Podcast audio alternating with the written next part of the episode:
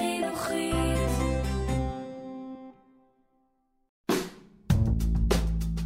אבני דרך, עשרה אלבומים שעיצבו את פני המוזיקה הישראלית. יוצר ומגיש, ארז טודרס.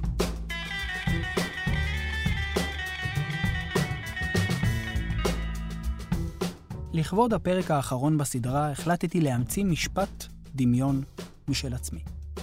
אז, לדעתי, הדמיון הוא היוגה של המוח. האם אני צודק? הפעם אשאיר אתכם עם המחשבה הזאת. אהלן, אני ארז טודרס ואתם מאזינים לפרק העשירי בסדרה אבני דרך.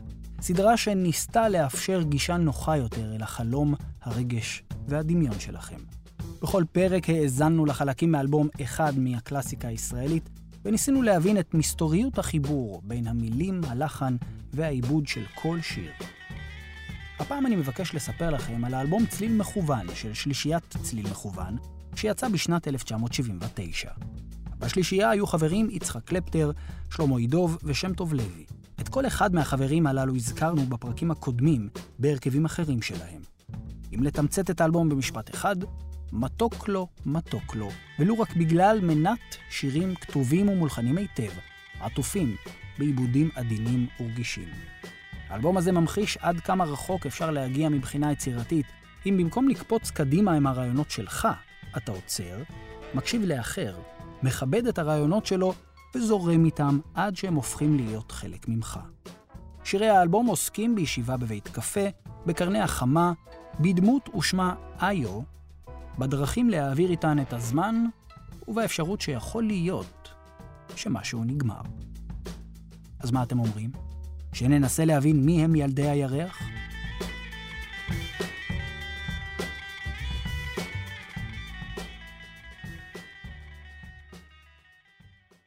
השיר הראשון עליו אדבר הוא ימים לבנים, שכתבה לאה גולדברג, והלחין ושר שלמה ידוב. ידוב מלווה בגיטרה קלאסית את שם טוב שהמציא מנגינה קסומה, ציורית וזכה, אותה הוא מנגן בחליל צד כבר בפתיחה. 20 שניות של הקדמה שמיד מושיבה אותנו על כרית רכה ומבקשת יפה, כדאי לכם להקשיב לי, תכף יגיע דבר נעים. מעניין אותי כמה ניסיונות עשו השניים עד שהגיעו אל המנגינה הזאת. כלומר, מהרגע שנבחר סולם לשיר, הליווי של אידוב הוא החלק הפשוט, נניח. מה שמסובך מעט יותר הוא החלק של שם טוב, בו צריך ממש להמציא מנגינה המבוססת על צלילי הסולם של השיר. עכשיו, יש אינסוף מנגינות שאפשר לחבר לחלק הזה, אבל בדמיונו של שם טוב הוא שמע לבסוף את המנגינה הזאת, ויחד הם החליטו שהיא האחת שצריכה להישאר. זה נשמע כך.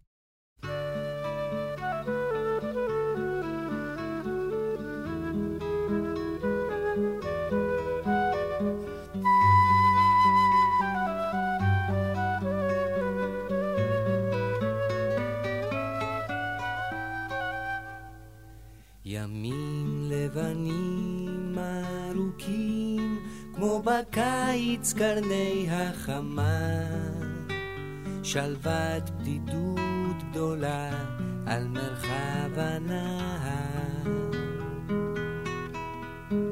חלונות פתוחים לרווחה אל תכלת דממה, גשרים ישרים וגבוהים בין אתמול ומחר. כרגיל אצל גולדברג, המילים בלתי נתפסות ביופיין. אידוב לבד עם הגיטרה, פשוט, אישי, קרוב, שר ממש לידינו. אל תוך הימים הארוכים של הקיץ, שם ליד הנהר, מצטרפת שלוות בדידות גדולה. שלוות בדידות. האם זהו סוג של אוקסימורון? כלומר, האם הבדידות באמת יכולה להיות שלווה ולהתפרש כדבר טוב? אולי היא כל כך גדולה וכואבת, ובגלל זה מביאה איתה מעין שלווה מזויפת. החלונות הפתוחים לרווחה, האם הם חלונות הבית, או אולי חלונות הלב והנפש? ומה הם לדעתכם הגשרים בין אתמול ומחר? שימו לב לשינוי בעיבוד בבית השני. כל כך קל לשאת שתיקתכם, ימים לבנים וריקים.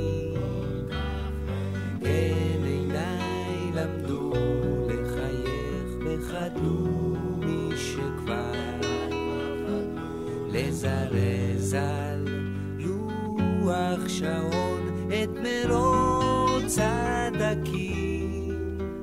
ישרים וגבוהים הקשרים בין אתמול ומחר. בגלל שהלחן בשלב הזה זהה לבית הראשון, ההצטרפות של קלידי הרודס, גיטרת הבאס והליווי בהרמוניות הקוליות של שם טוב וקלפטר מוסיפה צבע נפלא, בעיקר מול המילים בשורה הראשונה, כל כך קל לשאת שתיקתכם. גולדברג רומזת שהשקט המלווה את הימים הלבנים, מלאי הבדידות, את השקט הזה כבר קל לה לשאת. בשורה הבאה מעמיק הכאב, כשאנחנו מבינים שעיניה כבר לא מחייכות מזה זמן. ואם כבר זה המצב, אז הלוואי שהזמן יעבור מהר. דרך השורה הגאונית, לזרז על לוח שעון את מרוץ הדקים. הם המחוגים כמובן. ושוב חוזרים הגשרים הגבוהים והישרים בין אתמול ומחר. הצלחתם כבר להבין מה הם?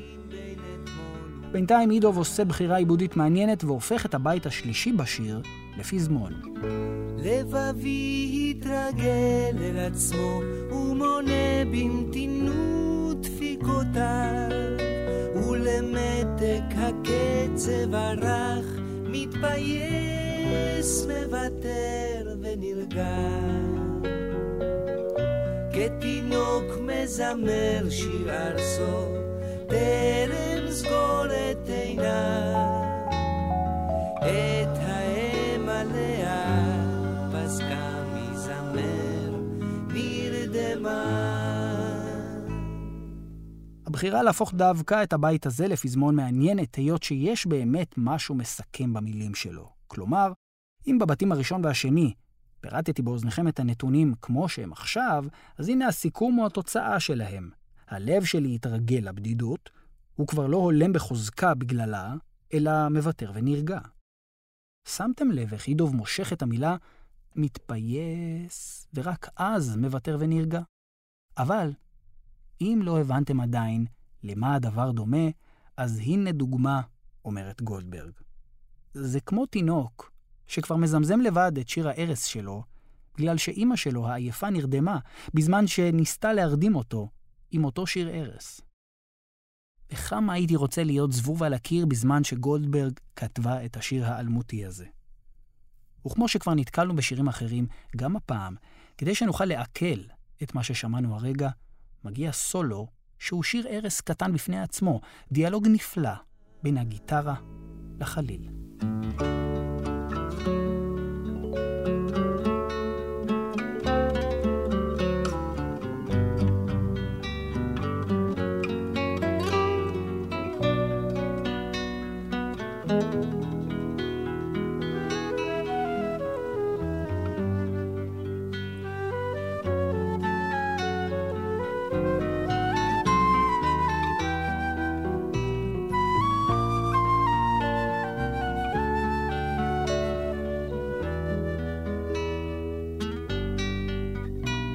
אחר כך חוזר הפזמון, ואז שוב הבית הראשון, המובילים אל סוף השיר. ומונה במתינות.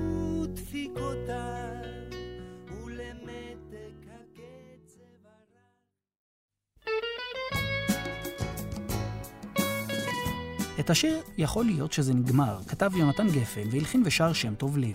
להזכירכם, גפן ולוי שיתפו פעולה בשיר "הנסיך הקטן", של להקת קצת אחרת, עליה דיברנו בפרק 7. הקדמה ובה קלפטר מציג את מנגינת הנושא. מלווים אותו בס, תופים, פסנתר וגיטרה אקוסטית. אומרים שהיה פה שמח לפני שנולדתי והכל היה פשוט נפלא עד שהגעתי שומר עברי על סוס לבן בלילה שחור על שפת ים כנרת טרומבלדור הקטנה, חולות אדומים, ביאליק אחד שני איזה שקמים, אנשים יפים, מלאים חלומות ואנו באנו ארצה לבנות ולהיבנות כי לנו, לנו, לנו ארץ זאת נניח שאנחנו מאזינים לשיר הזה בפעם הראשונה בחיינו ואין לנו באמת מושג על מה הוא מדבר. כל מילה שאנחנו שומעים חדשה לנו. כבר משמו של השיר מעניין אותי לדעת מהו הדבר שייתכן שנגמר. בבית הראשון גפן מזכיר לנו בקצרה כמה פרקי היסטוריה ארץ-ישראלית, לא לפני שהוא צוחק על המשפט הקבוע שעובר מדור לדור, שפעם היה פה טוב יותר. מה אתם חושבים? זה נכון? גפן מזכיר את השומר העברי על הסוס, בין אם מארגון השומר, ההגנה, החלוץ וכולי, את טרומפלדור ותל חי, את תל אביב, העיר הצעירה והקטנה עם עצי השקמים שבה, והרבה עולים חדשים חדורי ציונות. עכשיו המספר פונה למישהו, בשם טוב, מפנה את הכיוון של הלחן.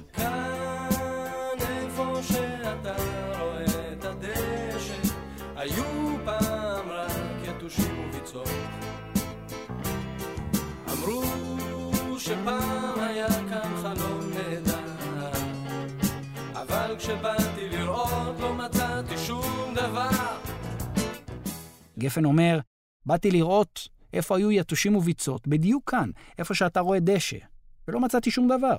ייתכן אפילו שלא מצא את החלום הנהדר שהבטיחו לו בגולה. במילים אחרות, אתם סתם אומרים שהיה פה יותר טוב. וכדי להדגיש את זה, הנה שורת הנושא של השיר פעמיים, מעין המשכון של הפזמון. יכול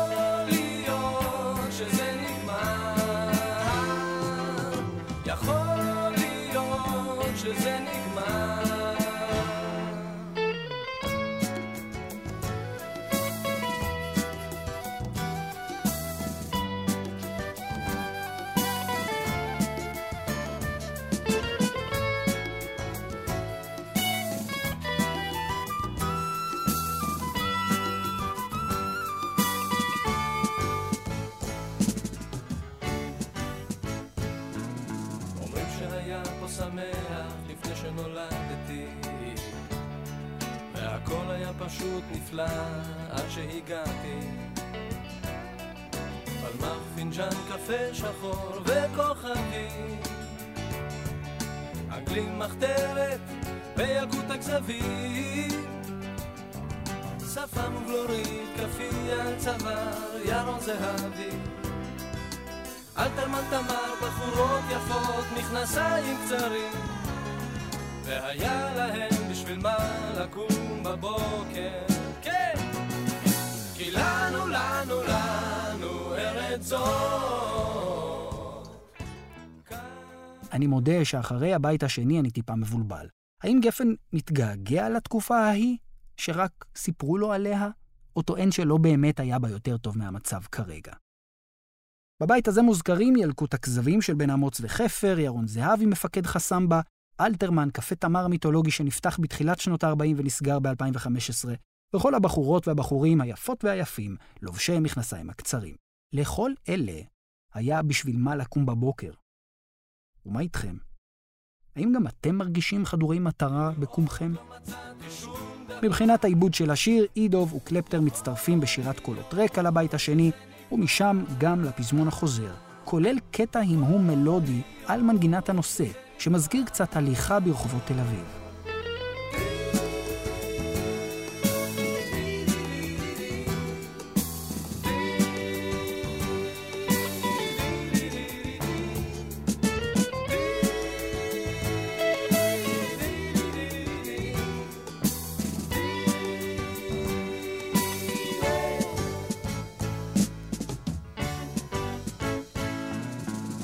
שהיה פה שמח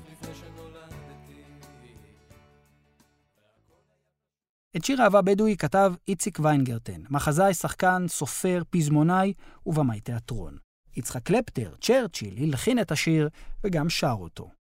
באלבום, השיר הזה מחולק לשתי רצועות נפרדות. הרצועה הראשונה היא למעשה חצי דקה של מעוול, אלתור בחליל, במקאם, סולם צלילים ערבי, שבניגוד לסולם המערבי, יש בו גם מרווחים של חצאי ורבעי טון. בחירה עיבודית מרתקת, הנותנת אישור לכך שמדובר ביצירה קצרה העומדת בפני עצמה.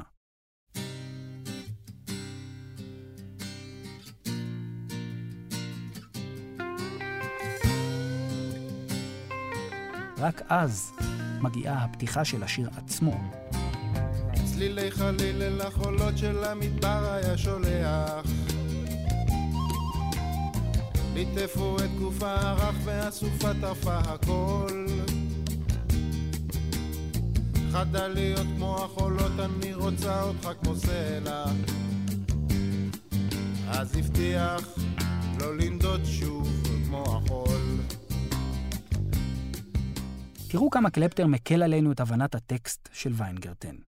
בכך שהוא בוחר לשיר על הפעמה החסרה, מה שנקרא האוף-ביט, המילים בולטות ולפיכך מובנות יותר. הנה דוגמה. אם הקצב של השיר הוא אחת, שתיים, שלוש, ארבע, המילים זוחלות בין הפעמות, ממש כמו צליל שעובר בכל המדבר. אנסה להדגים. אחת צלילי חליל אל החולות של המדבר היה שולח. מאמצע המילה, הפעמה נופלת באמצע המילה, בין המרווחים. בבית הראשון קלפטר שר לבד ומלווים אותו גיטרה, חליל, תופים ותופי בונגוס. בבית השני, בעל אותו הלחן, אידוב מצטרף בקולות רקע, וגם הפסנתר מנגן אקורדים מפורקים אי שם ברקע, קצת כמו נווד במדבר. שימו לב, אפילו לקישוט הקל בגיטרה החשמלית, אחרי המילים לא לנשום כלל את הצליל. כשהרוחות אותו ליטפו בעוז אחז במות האוהל. אוזניו התמו לא לשמוע, לא לנשום כלל את הצליל. אתה נבד לחש מדבר, אתה נקבר באוהל צר. והכבשים באו בוואדי כמו חליל.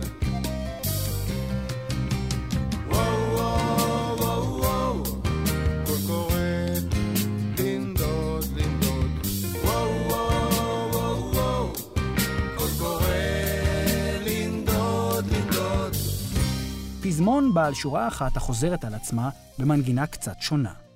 אותי מעניין, האם ויינגרטן כתב את קריאת ההמהום לפני המשפט קול קורא לנדוד לנדוד, ממש בצורה הזאת, בשיר המקורי, או שאולי זה אלתור של קלפטר, כדי שיהיה נוח לשיר את זה. מה אתם חושבים? הנה הבית השני, אבל בגלל שהלחן זהה ויש דחף לקשט בכל פעם בצורה אחרת, שם טוב ואידוב מצטרפים בקול שני לשתי השורות הראשונות. הפזמון החוזר יגיע רק אחרי הבית השלישי. וכשפרצו השיטפונות שכח את כל מה שהבטיח אל הצלילים של החליל הושיט ידיים בסופה הסוף נסחף שיכור כמו חול ברוח. גם הסלעים פרסו כנפיים כמו ענווה. וכשחזר שוב על סוסו להעמיק את מות האוהל על היריות היא בחוטים ובצבעים מילים רק מה? ברוך שובך בוגד, איך עוז היטב במות האוהל גם אותי סופה נודדת סחפה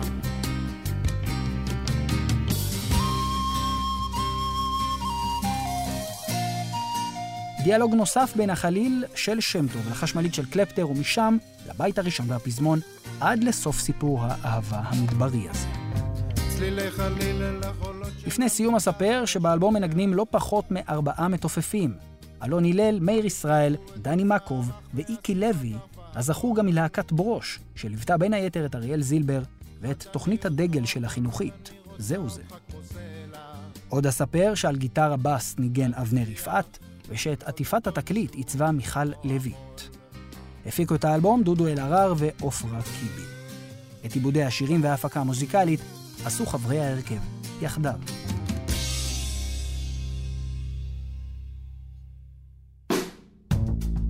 עד כאן הפרק העשירי והאחרון של אבני דרך.